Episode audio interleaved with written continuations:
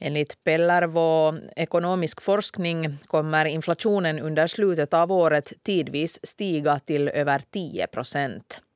Det kommer enligt Pellervo att leda till att Finlands ekonomi under slutet av året snabbt sjunker ner i en recession. Pellervo motiverar sin syn med att priserna på mat och el stiger kraftigt samtidigt som också räntan stiger. Det här gör att hushållen får svårt att minska på de här utgifterna och minskar då istället den övriga konsumtionen märkbart. Tidigare idag förutspådde Finlands bank en inflation på drygt 4 procent nästa år och varnade också för en ökande risk för recession. Metsä Board planerar en ny kartongfabrik i Kaskö. Ett investeringsbeslut kan göras tidigast 2024. Fabriken ska kunna producera 800 000 ton kartong per år. Enligt Metsä Board, som är en del av Metsä Group-koncernen, finns en ökad efterfrågan på förpackningar av förnybart material. EU-kommissionens ordförande Ursula von der Leyen är i Kiev just nu. Det här är hennes tredje besök i Ukraina sedan det ryska storanfallet inleddes i februari. Von der Leyen berättade på Twitter att hon ska träffa president Volodymyr Zelensky och premiärminister Dinis Shimihal. Enligt henne ska de diskutera hur man kan stärka både de ekonomiska och mellanfolkliga banden mellan EU och kandidatlandet Ukraina. Det här var nyheterna. Nu ger jag över till slaget efter tolv som idag handlar om de olika åsikterna inom jordbruket gällande hur man ska minska utsläppen från åkrarna. Gips på åkrarna är nästan som ett mirakelmedel som faktiskt kan hjälpa oss att rädda skärgårdshavet och göra havet renare. Utsläppen av näringsämnet fosfor kan nämligen halveras på åkrar som har fått en gipsbehandling. Och det här tycker våra miljömyndigheter att det är jättebra och man delar därför ut gipset helt gratis. Men eh, många jordbrukare, framförallt i sydvästra Finland, säger nej tack. Vi ska diskutera gipset här i Slaget efter tolv idag. Jag heter Maria Nylund och med mig för att göra det här har jag Thomas Lindroth från Chimito. Välkommen. Tack. Och det är fint att jag får en möjlighet att inflika odlarkommentaren i det här aktuella temat. Absolut. Du odlar bland annat spannmål har jag förstått och du är också ordförande för SLC i Åboland. SLC är ju en förkortning av Svenska lantbruksproducenternas centralförbund. Eh, och på en åker i Nosis norr om Åbo ska vi ha Peter Fritzén. Välkommen. Jo tack, hej. Du är jo, också... jag är här på, på Sockerbetsforskningsanstaltens äh, eh, äh, eh, temadag angående äh, äh, markbearbetning, minimerad markbearbetning och, och odling av fånggrödor och täckgrödor som har lite, lite äh, med, med det här temat att göra precis hur man ska minska näringsutsläppen. Du är växtodlingsrådgivare för Finska hushållningssällskapet i Åbo. Du ger alltså odlarna råd om hur de ska odla. Och I Helsingfors har vi Anton Keto. Välkommen. Uh, Hej, ja, tack för inbjudan att delta i diskussionen. Du är programchef för Miljöministeriets stora program för effektiverat vattenskydd. Vattnens tur heter det. Och ni har en massa miljoner som ni kan använda för att skydda vattnet nu då. Och om vi börjar med dig Anton eh, Keto, berätta nu till allra först alltså en, en hurdan mirakelmedicin är det här gipset? Varför vill ni vid Miljöministeriet att jordbrukarna ska sprida ut just gips på sina åkrar? Tack, det är en väldigt bra fråga. Jag kan säga att eh, effekterna av gipsbehandling har studerats i Finland mer än tio år och eh, resultaten visar att gipsbehandling av åkrarna är, är mycket, mycket kostnadseffektivt medel för vattenhushållning och samtidigt har positiva effekter på marken. Eh, så enligt vår mening är det en win-win åtgärd där både miljön och, och jordbrukare gynnas. Mm. En win-win åtgärd, det är billigt och effektivt. Eh, sydvästra Finland är dessvärre fortfarande en så kallad hotspot på Helcoms lista över platser som förorenar Östersjön. Och på Skärgårdshavets avrinningsområde så har man spridit ut gips nu i flera år, sedan 2020. Och, och först var det rätt så populärt, men nu ser det sämre ut vid egentliga Finlands näringstrafik och miljöcentral säger man att man i år har fått in ansökningar för att sprida gips på 6 200 hektar men potentiellt skulle det finnas 150 000 hektar där man kunde sprida gips i egentliga Finland. Så en hur stor besvikelse är det här Anton Keto att intresset för gips nu har minskat så här mycket i, i sydvästra Finland? Uh, vi är nöjda med varje nya chipshektar.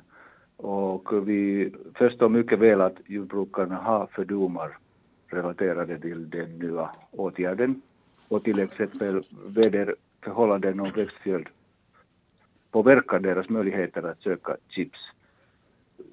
Jag hoppas vi vill göra det där arbetet i god samarbete med jordbrukarna och vill på intet sätt skulla på de jordbrukarna som inte ansöker om gipsbehandling. Så det är inte en bra lösning för alla jordbrukarna. Mm, du vill inte skuldbelägga någon. Kan du ännu säga, eh, ni har alltså bekostat gipsspridning sedan 2020. Hur stora åkerarealer har hittills fått då gips eh, i sydvästra Finland så här totalt sett ungefär? Mm. Okej, okay. eh, chips har spridits ut på totalt 19 000 hektar 2020 och 2021 och i år har det sökts 6200 hektar chips. Så totalt har det sökts chips för 25 000 hektar.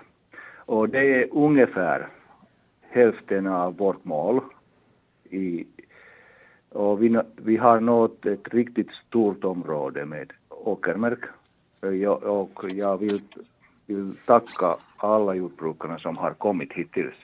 Förstå, vi måste göra mera i, i nästa år, men jag tänker att vi har en, en bra situation. Mm. Okej, okay, men det skulle finnas potentiellt 150 000 hektar där man skulle kunna sprida gips och 25 000 har vi då nått hittills på sammanlagt kan man ju räkna då tre år. Det där, eh, Anton Keto nämnde här fördomar bland eh, jordbrukarna. Thomas Lindroth, du hör till dem som då inte har spritt ut gips på dina åkrar. Berätta varför gör du inte det här? Eh, gipsen är, som, som Anton sa, ett alternativ i att, att uh, hålla tillbaka näringsläckage. Och jag har själv uh, valt att inte använda gipsen eftersom min, mina åkrar har en kalcium-magnesiumbalans som gör att om jag sprider gipsen så, så det här, uh, fungerar inte min, min produktionsförmåga i marken mera på samma sätt som tidigare. I, i mitt fall så kommer gipsen att, att göra det att marken de facto slammar igen mera på grund av den här kalcium-magnesiumbalansen.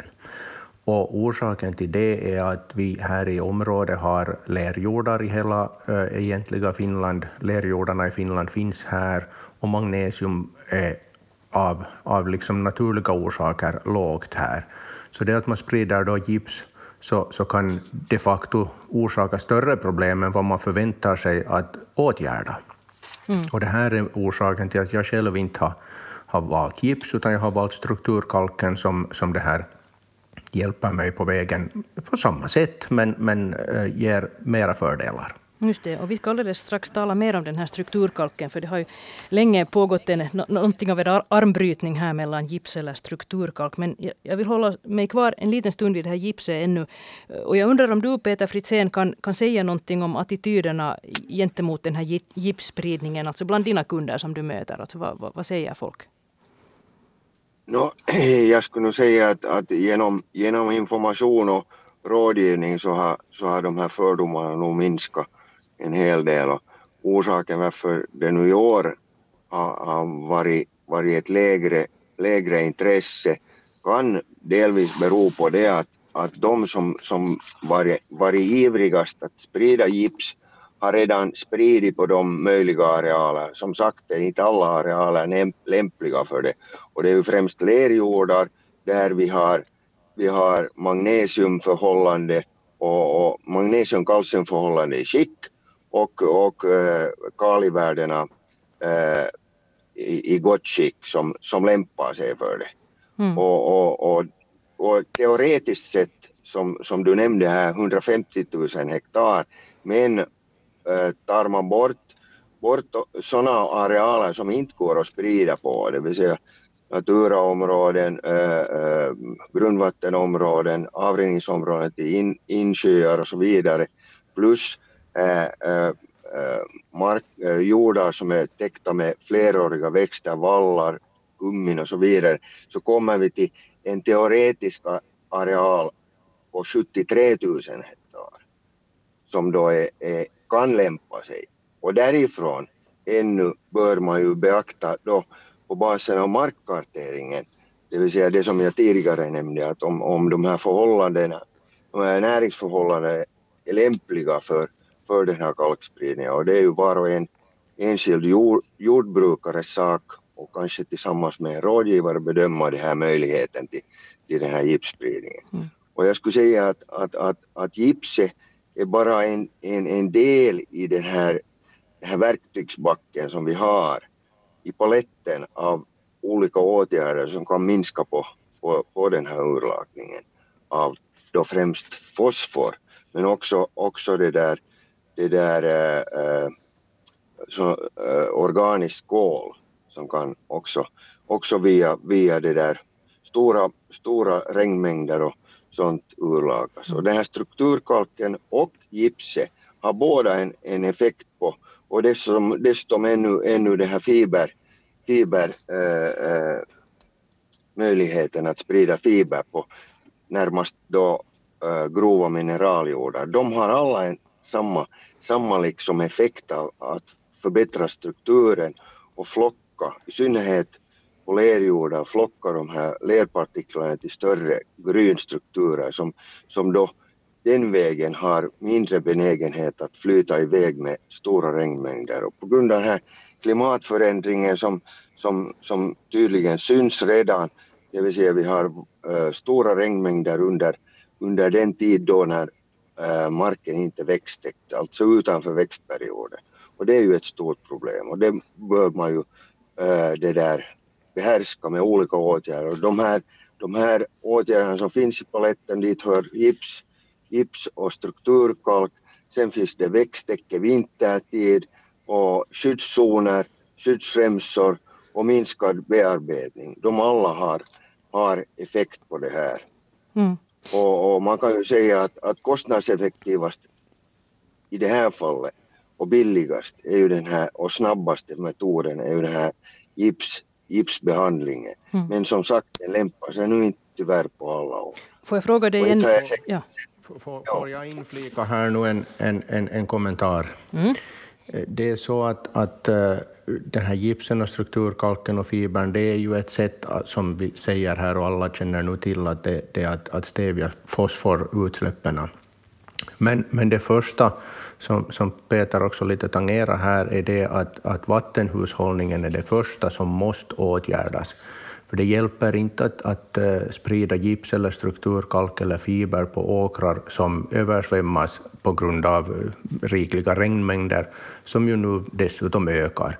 Så det första som odlarna behöver ha i ordning så är ju dikningen runt åkrarna och i åkrarna, det vill säga täckdikningen.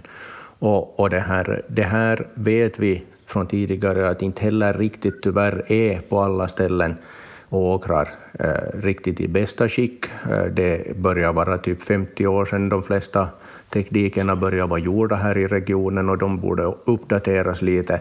Så för att få den där störst, ja, rensas och, och, och, och förnyas, eh, och för att få då den där nyttan av gipsen och kalken så borde vi åtgärda det här först.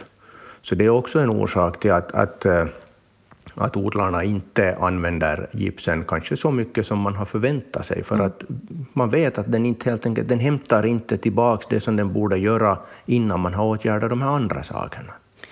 Får jag fråga dig igen nu Peter Fritzén, när du träffar jordbrukare i ditt jobb, så, så hur mycket eh, känner du igen sådana här fördomar då? Alltså som, där det inte handlar om att till exempel magnesiumhalten är, är så pass eh, lågrenfärdigt i marken att det inte är vettigt att sätta gips för då urlakar det ännu mera. Då blir det en begränsande faktor i själva odlingen. Men, men, men, men möter du på, på fördomar också?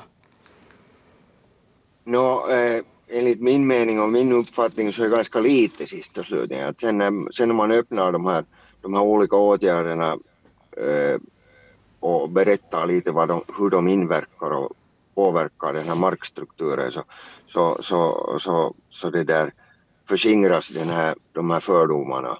Och, och, och jag, har, jag kan ju nämna att jag har varit med i det här både gipsprojektet och, och det här strukturkartprojektet ända sedan 2020 när det startade. Så, så det där eh, uh, har jag nog inte mött direkt motstånd utan det har via diskussion och sånt så har det klarnat för, för odlarna att vad, vad de här olika åtgärderna har för fördelar eller nackdelar. Mm. Och, och, och, och de flesta, ska vi säga 95 procent av de som jag har kontaktat så har också spridit gips. Just det.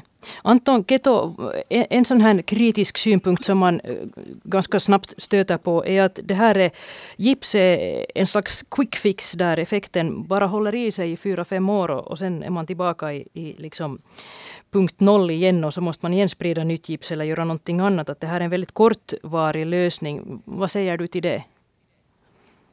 Mm, ja, jag säger att det här bra diskussion. Jordbrukarna har rätt i att chips bara är en del av lösningen. Och, vi måste ta hand om åkermarkens växt, växtskick och vilket kan kräva flera åtgärder. Jag personligen säger att grundläggande dränering och markstruktur ska vara i ordning och eftersom du kan ta chipsen i marken. Och bara, bara när det gäller av långsiktiga effekterna av chips, vi studerar, studerar dem ständigt och redan nu man kan säga att, att positiva effekten av chip, chips kan nå på något längre än det tidigare beräknat, mm. fem åren på många områden. Så positiva forskning är Just det att, det, att det är möjligt att det faktiskt håller i sig längre än så. En annan, ett annat argument till att man inte vill ha gips, gipse på sin åker är att det här är en biprodukt om man tillverkar konstgödsel i Silinjärvi och att eh, det här bolaget Jara borde ta hand om sitt eget avfall själv och inte sprida ut det på åkrarna. Vad säger du Anton Keto till det? Mm, det är sant att chips produceras i gödselindustrin som en biprodukt vid framställning av fosforsyra. Mm, sammansättningen av förbättringschips tillverkad av Yara är väl känd och prover tas regelbundet för att bekräfta sammansättningen. Eh, ett, en, ett anbud anordnades på EU-nivå för chipsbehandling av fälten eh, på grundval av vilket även någon utländsk chipsleverantör kunde ha blivit leverantör. Mm. Jag tycker att det är bra att en inhemsk äh, produktionsläggning valdes som chipsleverantör. Jag förstår, jag, jag, vad jag förstår levererar Yara chipset till självkostnadspris så i praktiken genereras kostnaden för chipsbehandling nästan helt av transporten och applicering av chipset mm. i marken, på marken. Du menar att Yara donerar det här gipset mer eller mindre gratis? Är det så? Ja, jag tänker att det, det är så, ja. Mm. Vad säger du Thomas Lindroth, hör du det här bland dina kollegor att det liksom finns en, en motvilja till att på något vis ta hand om Jaras biprodukter? No, ärligt sagt, ja. Den, den diskussionen förs nog. Men, men det här, samtidigt så är det ju en, en, en lösning och då blir det ju lite det blir lite svårt som, som odlare att fundera att är man liksom nu den som tar hand om andras avfall eller är man den nu som äh, tar emot en, en produkt som kan rena vattnet? Mm. Och, och, och det, här, det här blir en, en diskussion som vi nog för i, i odlarkretsar, det, det kan jag hålla med om.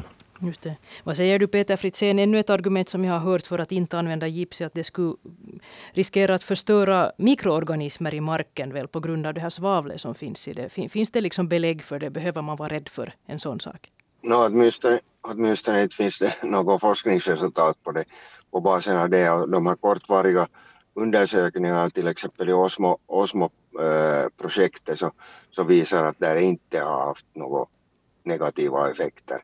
Att även kalk, kalkning i större mängder och, och, och sen då gipset också kan ha en tillfällig effekt att, att på grund av den här salt, saltkoncentrationen ökar tillfälligt då just efter gipsspridningen. Men i allmänhet så, så trivs de här mikroberna i, i, i jordar av bra struktur där luft, luft vad heter äh, äh, utväxlingen, äh, både koldioxid och, och syre, är, är i skick. Där trivs de bra. Så jag tror nog att i långa loppet av de här alla åtgärderna som bidrar till bättre struktur så har, har en gynnsam effekt på mikroberna också. Kan man, Peter Fritzén, liksom summera det här till att... Ehm, eh, eller skulle du säga att gips är tryggt att sätta på åkern?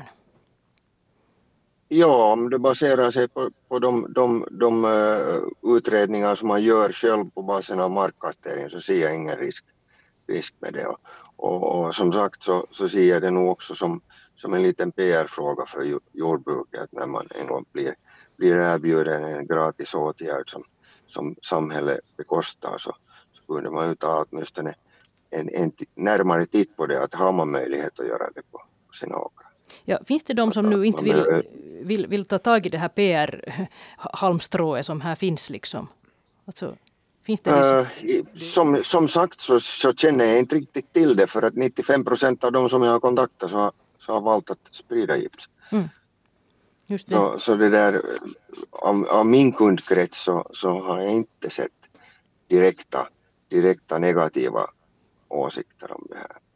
Och det där kritiken mot Jara så kan man ju nämna att, att var och en odlare så, så, så, så har säkert också skaffat, skaffat gödseln via, via Jara så jag ser inte riktigt vad, vad det är för en kritik och det är ju ändå, även om det är utländskt ägt det här, det här bolaget så, så, så fungerar det i Finland och, och, och råvaran är finsk. Nu, det där, nu har vi varit inne på det här med strukturkalk och jag vet att det, i jordbrukskretsar så, så, så, diskuterar man ganska mycket det här med gips kontra strukturkalk. Och om det nu då råkar sig vara så att man har en åker där det inte alls lämpar sig att sätta det här gipset, alltså just om man har låga magnesiumhalter till exempel färdigt i sin, sin åker, så kan man göra som Thomas Lindroth har gjort och man sprider strukturkalk i, istället. Och det, det är faktiskt då en lika fin mirakelprodukt Absolut. om man tänker Absolut. på... Och, och i synnerhet om man har behov av att höja pH ännu till. Det vill säga det kan vara jordar, jord, lerjordar med, med alltför låga pH så då rekommenderar jag varmt att använda sig av strukturkalk eller då, eller då att först kalka och sen, sen, sen när man har fått pH i skick och de andra näringsvärdena i skick så sen, sen det där gipsa. Att det här är en lång process och jag hoppas att det här projektet fortsätter och, och en, en bidragande orsak till varför det här intresset eller ska vi säga ansökningar var, var mindre i år så, så, så kan bero på det att den här ansökningstiden öppnar sig verkligt sent i slutet på, på juni just efter såtiden. Och i samband med, med, med den här eh, stödansökningsrumban eh, som, som slutar 15 i och det här sista, sista ansökningsdatumet var ju 30 i sjätte. Så när de konstaterade att det hade, hade kommit äh, rätt så lite ansökningar så förlängde de tiden en gång och så en gång till och, och det, det, ger ju inte riktigt en bild av att, att, att det är seriöst. Så därför rekommenderar jag varmt att den här ansökningstiden skulle vara kontinuerlig, den skulle vara öppen hela tiden. Och då kan jag i samband med en en, en, en normal odlingsplaneringsrådgivning gå igenom de här sakerna och ge råd om, om de här olika åtgärderna. Om det är sen är fråga om gips, gipsbehandling eller, eller strukturkalksbehandling eller fiberbehandling eller några andra åtgärder. Anton det ska vara den naturliga vägen. No, men ja. nu, nu, måste vi, nu, måste vi, nu, nu måste vi komma tillbaka till den där PR-diskussionen en gång. Okay. Det som är så lustigt i det här är det att, att vi har eh, jag vet inte vem egentligen som har lagt upp det så att det är en PR-diskussion det här och, och, och, att odlarna liksom missar hela PR-grejen och, och vattenskyddet bara för att vi inte tar emot gips. Vi har ju försökt här nu i den här diskussionen också föra fram att gips är en del av verktygen vi har. Vi har dikningen, vi har täckdikningen, vi har fiber, vi har strukturkalk och vi har gips. Allt det här är ju sånt som vi gör för att, för att det här, äh, minska urlakningen av fosfor till Östersjön. Och allt det är ju PR-arbete. Varför säger vi då att det är bara gipsen som är PR-arbete och allt annat är liksom någonting som odlarna nog lite håller på med? Det är allt lika viktigt. Och det har ingen skillnad när man gör ansökningar, när man gör vad som helst. Det viktiga är att vi berättar att vi gör någonting för Östersjön hela tiden. Det är PR. Mm. Det är just detsamma om det är gips eller strukturkalk, bara vi gör någonting. Ja, och alla odlare har som målsättning att, att det här inte släppa ut någon näring. För, för det här, nu har ju alla hört i nyheterna också att gödselmedlen har blivit väldigt dyra. Det finns ingen som har råd med att låta det rinna ut i havet utan att använda det. Det ska allt in i grödan, i skörden och bli mat. Det finns ingen odlare som har råd att släppa ut någonting. Allt vi gör är för att ta tillvara näringen så att vi får mat av det. Det är PR det det här, gör den här strukturkalken som du då har använt, Thomas Lindroth, så den, den, den, undersöks ju också. Jag pratade här igår med en forskare som berättade att, att på de här sluttande åkrarna som det finns gott om i sydvästra Finland så har man sett att strukturkalken faktiskt har reducerat näringsutsläppen med hela 70 procent. Så den är jätteeffektiv den också. Så det kan vi väl slå fast här nu då att strukturkalk är lika bra som som gips. Och, och dessutom är det väl så att strukturkalken skulle passa på de allra flesta åkrarna har jag förstått. Och den ger också en gynnsam effekt på, på skörden. Att det är lite som gödsel. Um, plus att den dessutom ska ha goda effekter med tanke på klimatet som förändras. Att det är våta vårar och, och, och hett på sommaren. Kan du, Peter Fritzén, helt kort förklara det, det fina i kråksången här med strukturkalken? No, ja, det har, det har, alltså det, det har med förbättring av struktur... Men strukturkalken, alltså får, får, jag, får jag liksom lägga in här nu att, att den här strukturkalken vi har en liten delay här, det är det som förorsakar de här, att vi krockar i våra svar. Men ska vi låta Thomas Lindroth nu som du ville säga, säga någonting kring strukturkalken just?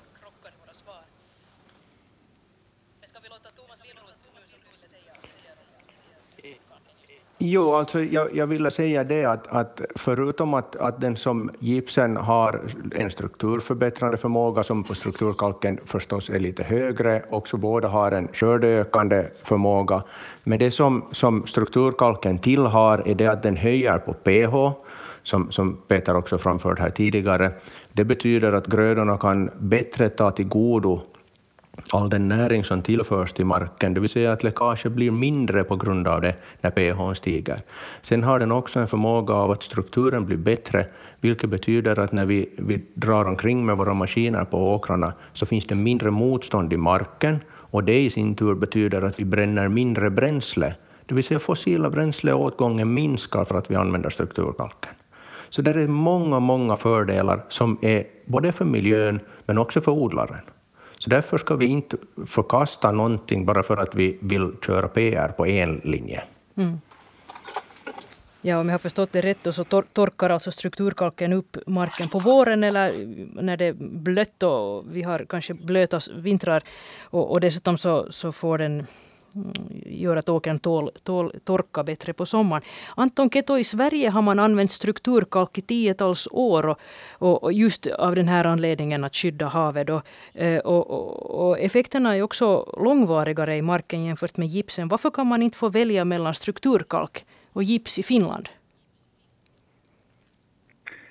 Ja, det är sant. I Sverige stöds strukturkalken genom EUs gemensamma jordbrukspolitik.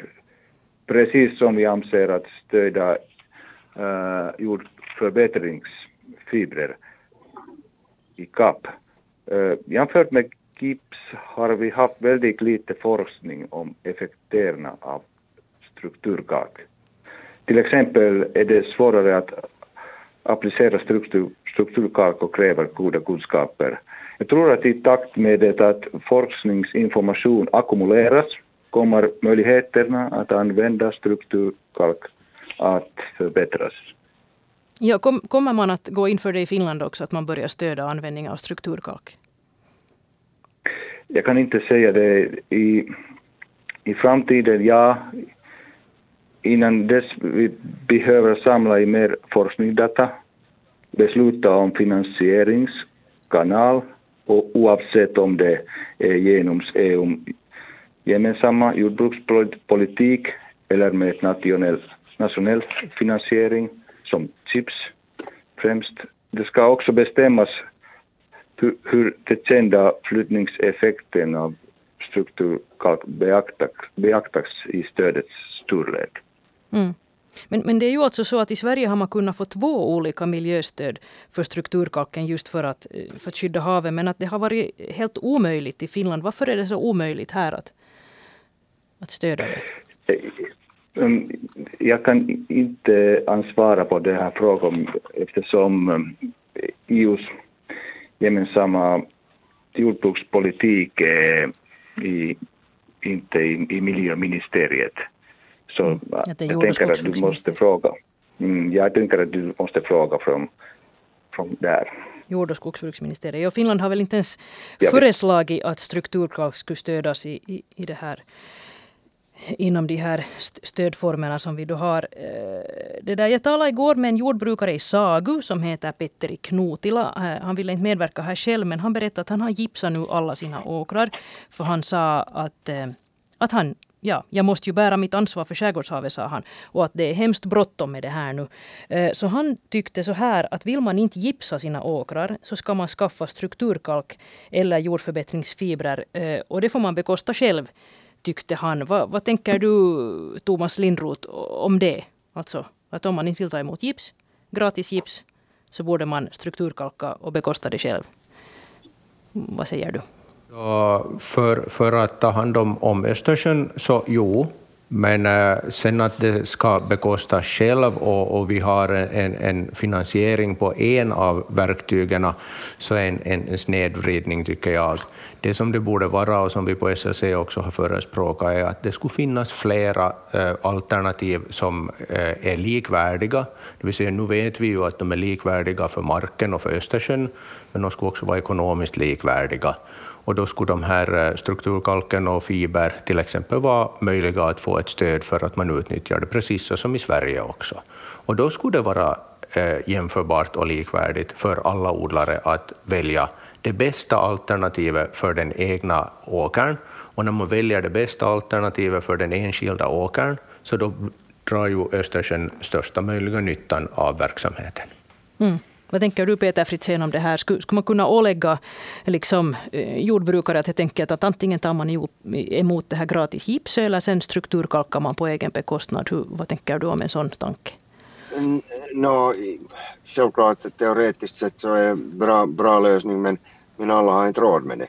Så, så därför stöder jag nog den här, den här tankegången att, att, att, att de här olika, olika verktygen i den här paletten och i verktygslådan för att minska den här urlakningen borde vara likvärdiga och, och understödas lika. För att det kan vara på en och, en och samma gård så kan det finnas åkrar som lämp, lämpar sig för strukturkalk och en del som lämpar sig för gipsbehandling och en del som lämpar sig för, för fiber, eh, strukturfiberbehandling. Mm. och då ska man få en heltäckande, heltäckande effekt. No, vad säger du Anton Keto, hur, hur, vad, vad, tänker ni på miljöministeriet kring det här att, att helt enkelt jobba för, övertala era kollegor kanske på jord och skogsbruksministeriet om att, att eh, göra de här verktygen likvärdiga? Stödja dem alla? Jag tänker att vi ska, vi behöver alla jordförbättringsmedel och uh, ursäkta, ja, jag tror att i, i takt först information ackumuleras och uh, det kommer att ge möjligheterna för oss också att an, använda alla jordförbättringsmedel i framtiden.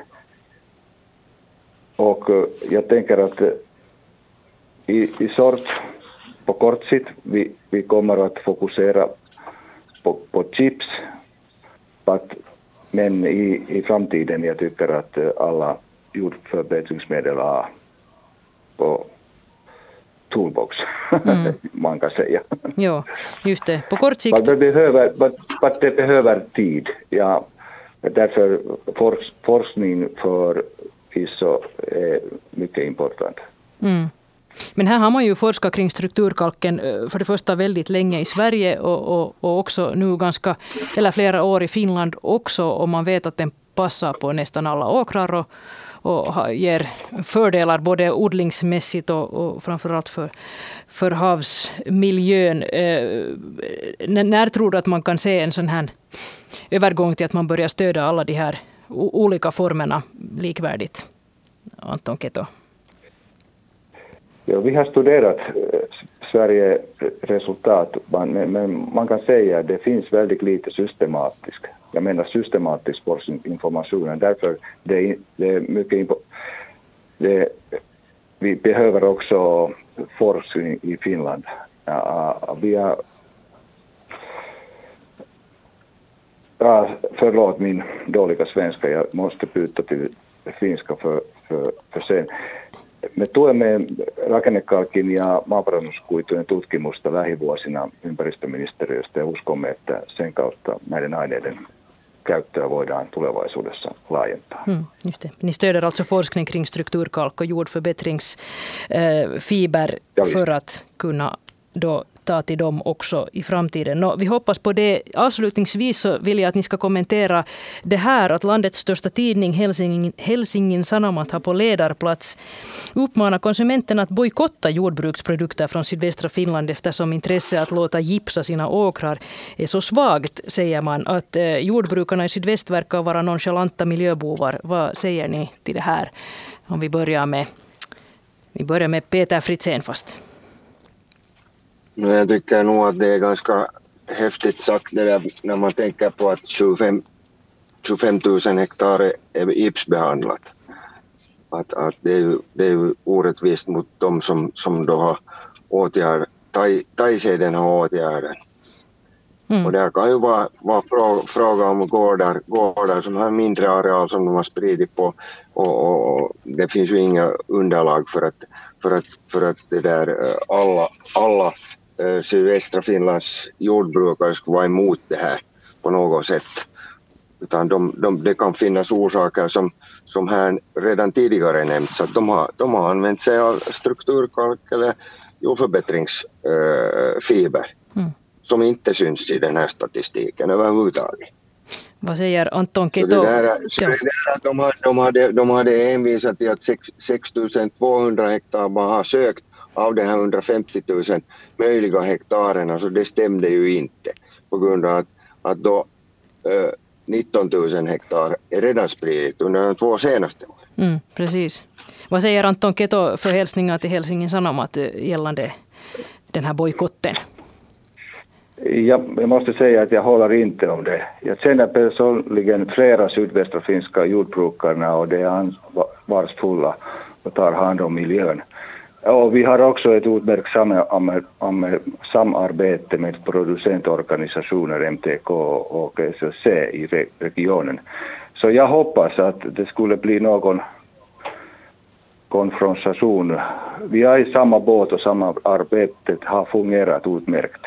Mm. Så ja, förhoppningsvis i framtiden också. Och ännu Thomas Lindroth, alltså eh, jordbrukarna i sydväst utpekas som nonchalanta miljöbovar. Vad vill du säga till det? Jag skulle säga att det är en ren populistisk rubrik, rubricering av det hela. Då har man inte kollat upp fakta som Anton och Peter fint framförde här, att vi gör ju på olika sätt allt vi kan för att skydda Östersjön. Helsingin sa att det bara är ute efter klick och läs, inte någonting annat. De har inte fakta bakom sig. Mm, nu får de inte vara här och berätta hur de tänkte, men så här har de alltså gått ut på ledarplats och, och konstaterat det här. Eh, no, men, tusen tack till er som var med idag och förklarade skillnaden mellan gips och strukturkalk. Tack till Anton Keto från Miljöministeriet, tack till Peter Fritzén från Finska hushållningssällskapet och tack till dig Thomas Lindroth som är jordbrukare i Kimito och ordförande för SLC i Åboland. Jag heter Maria Nylund och ett nytt slag hör du imorgon.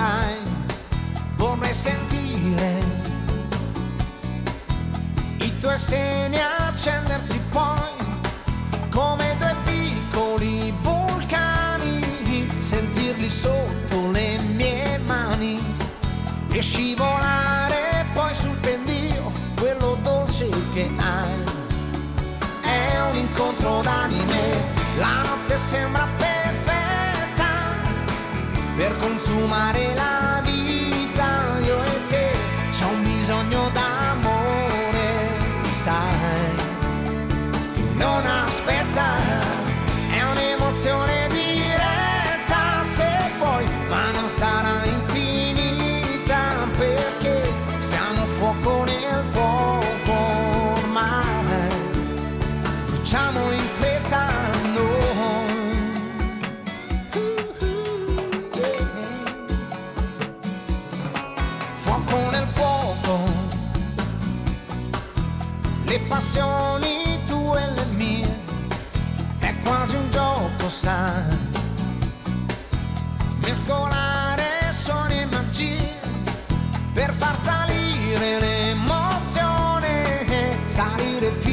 Sole e ricadere lungo il pendio, quello dolce che hai.